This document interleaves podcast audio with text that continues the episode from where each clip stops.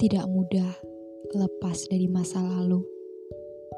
Bahkan, orang bisa terjebak dalam ruang kenangan dalam waktu yang panjang. Atau terkadang kembali menengok ke belakang sehingga menghambat langkah menuju masa depan. Masa lalu boleh dikenang, tapi jangan dijadikan beban. Apalagi beban pikiran yang mempengaruhi langkah kaki yang semakin gamang. Masalah lalu cukup menjadi pembelajaran agar tidak terulang.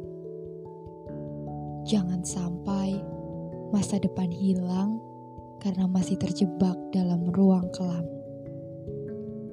Maafkan dan ikhlaskan. Hidup berjalan ke depan, bukan ke belakang.